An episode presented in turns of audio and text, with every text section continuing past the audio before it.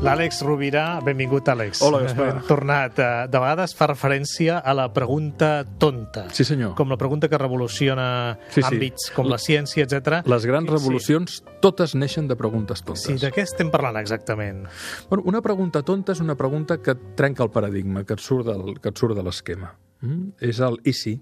Per exemple, Albert Einstein es preguntava, es va preguntar, uh, no sé com ho va formular exactament, perquè no, no estàvem dintre del seu cervell, però si ell no s'hagués preguntat si l'espai i el temps fossin relatius a la ubicació i velocitat de l'observador, o sigui, va, va, va trencar la consideració de l'espai i el temps com magnituds constants, i això va revolucionar la ciència, no?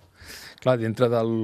Ara que estem aquí a l'Ofici de Viure, eh, una pregunta tonta podria ser qui series tu si visquessis lliure de la idea de ser algú?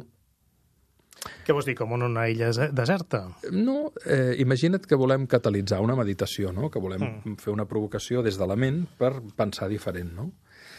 Uh, L'altre dia dèiem que podríem dir que moltes vegades ens, bueno, que ens construïm com un sistema de creences coherent. Mm, Cada persona no deixa de ser un conjunt de creences coherent. En realitat, allò que en diem ment no existeix. És un conjunt de pensaments que van sorgint, d'experiències que anem visquent, de narracions que anem construint, i li donem una coherència. Uh, I, per tant, té sentit dir que uh, des d'un paradigma una persona és un conjunt de creences coherents, mm, que et fan dir jo sóc fulanet o fulaneta de tal, i a partir d'aquí neix la narració de la, de, de la teva vida que construeix com un personatge. Una pregunta, per exemple, per, canal, per catalitzar una meditació seria anem a suposar que això és una mentida. Anem a suposar que um, o et faig la pregunta mi, dit, qui series tu si visquessis lliure de la idea de que ets algú?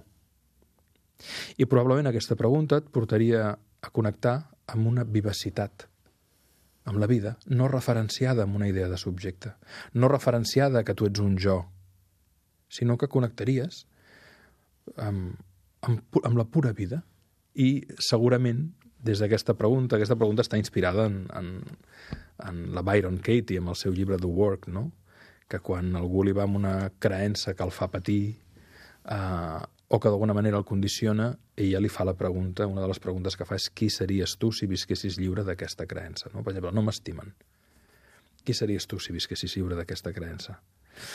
És important de vegades qüestionar-nos fins i tot les creences que ens sembla impossible qüestionar-nos. Això em referia quan et deia la pregunta tonta. Perquè són les que ens trenquen els esquemes i les que ens permeten mirar la realitat de manera diferent. I en mirar-les de manera diferent, la realitat, poden emergir noves possibilitats. Proposo que la setmana que ve parlem d'alguna altra pregunta tonta. Molt Gràcies. Bona Gràcies, setmana. Gaspar. Una també, moltes gràcies.